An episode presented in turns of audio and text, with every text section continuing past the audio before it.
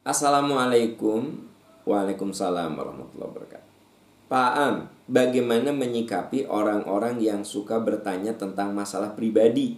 Nanya suami, nanya anak, nanya apa saya, apa kamu sudah menikah, aku belum menikah? Bagaimana cara menjawab orang-orang seperti itu dan menyikapinya? Ya, di sinilah kita butuh kearifan. Kalau misalnya teteh, e, udah nikah belum? Nah, coba Anda lihat di dalam surat Al-Furqan. Uh, wa ibadur rahmanil ladzina yamshuna 'alal ardi hauna wa idza khatabahumul jahiluna qalu salama. Orang yang berjalan di muka bumi dengan rendah hati dan kalau ada orang jahil bertanya maka jawablah dengan bijaksana gitu. Ya. Jadi kalau ada orangnya, teteh udah nikah belum? Ya Anda jawab aja, doakan ya semoga saya segera menikah gitu. Siapa tahu ternyata dari doa mereka lah dibukakan pintu jodoh Anda. Jadi andanya juga jangan baperan gitu ya. Apa sih orang tuh nanya-nanya udah nikah lah, nanya gimana kabar suami saya lah, nanya gimana kabar anak-anak ya, apa urusannya? Ya, boleh jadi orang itu berniat ramah sama Anda. Nah ini, di pikiran kita juga kudu positif terhadap orang lain. Ya, Pak gimana anak-anak sehat? Saya mikirnya itu orang ramah nanya tentang anak-anak saya. Alhamdulillah Bu, anak-anak sehat gitu. Ya. Terus eh, nanya hal-hal lain yang sifatnya lebih pribadi begitu. Pak Am, katanya Pak Am rumahnya udah pindah ya. Kan sebenarnya itu urusan pribadi saya mau pindah atau enggak. Oh iya Bu, ya saya pindah. Ah, ya kalau memang perlu dijawab, jawab. Tapi memang ada orang yang bertanya hal-hal yang terlalu private gitu. Nah, bagaimana menyikapinya? Kalau menurut surat Al-Furqan, wa idza khatabahumul jahiluna qalu salama.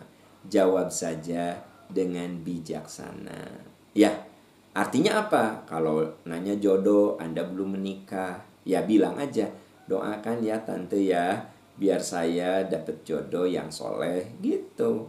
Ya, eh katanya anak kamu nggak lulus ya? Iya, doakan saja ya biar nanti anak saya bisa lulus. Gitu.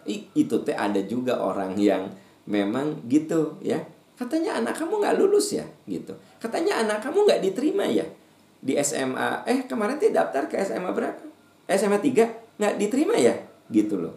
Jadi orangnya itu apa? Ya gitulah. Susah ngomongnya kita. Tapi ada orang-orang kayak gitu.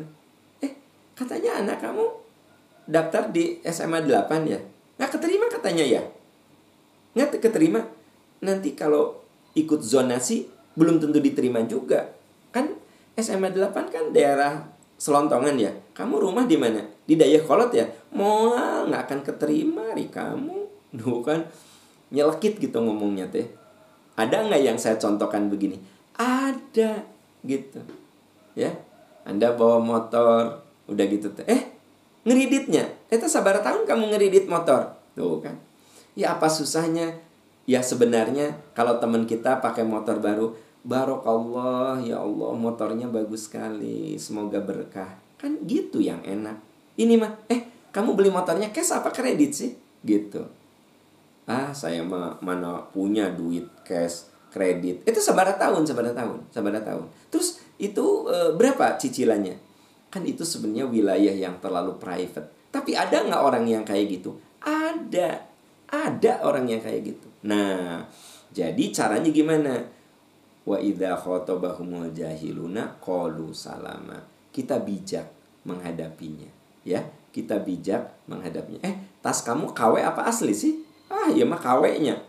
Coba. Padahal kenapa sih harus nanyain KW atau ori? Ya biarkan saja mau KW duit-duit dia, mau ori diet-diet dia, tapi dia tuh nggak bisa gitu nahan untuk nanya, ih tasnya baru ya, ih ini ori apa KW sih? Nah gitu.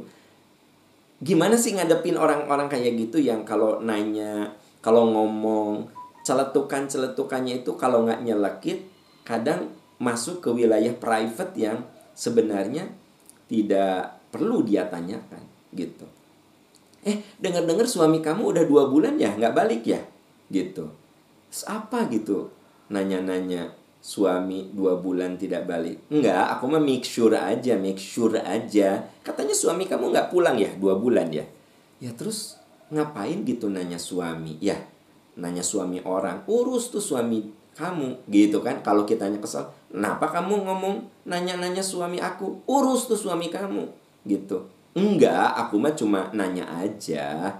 Ini mah denger-denger si make sure make sure nah itu teh ada orang kayak gitu Bapak Ibu. Nah, bagaimana cara menghadapinya? Wa idza khatabahumul jahiluna qalu salama. Bila orang jahil, orang kayak gini tuh disebut orang jahil, ya. Ya orangnya tuh jahil lah gitu. E, bahasa agama jahil tuh bodoh. Walaupun dia itu mungkin seorang yang berpendidikan tinggi, tapi omongan dan perilakunya itu bodoh. Itu disebutnya jahil. Wa idza khatabahumul jahiluna qalu salama Bila orang jahil itu komen, ngomong, ya, dia hadapi dengan penuh bijaksana. Jadi tidak perlu ya kejahilan dia kita balas dengan kejahilan lagi. Jadi kita terbawa dong dengan kebodohan dia. Jangan terbawa arus kebodohan orang bodoh gitu. Wallahu alam.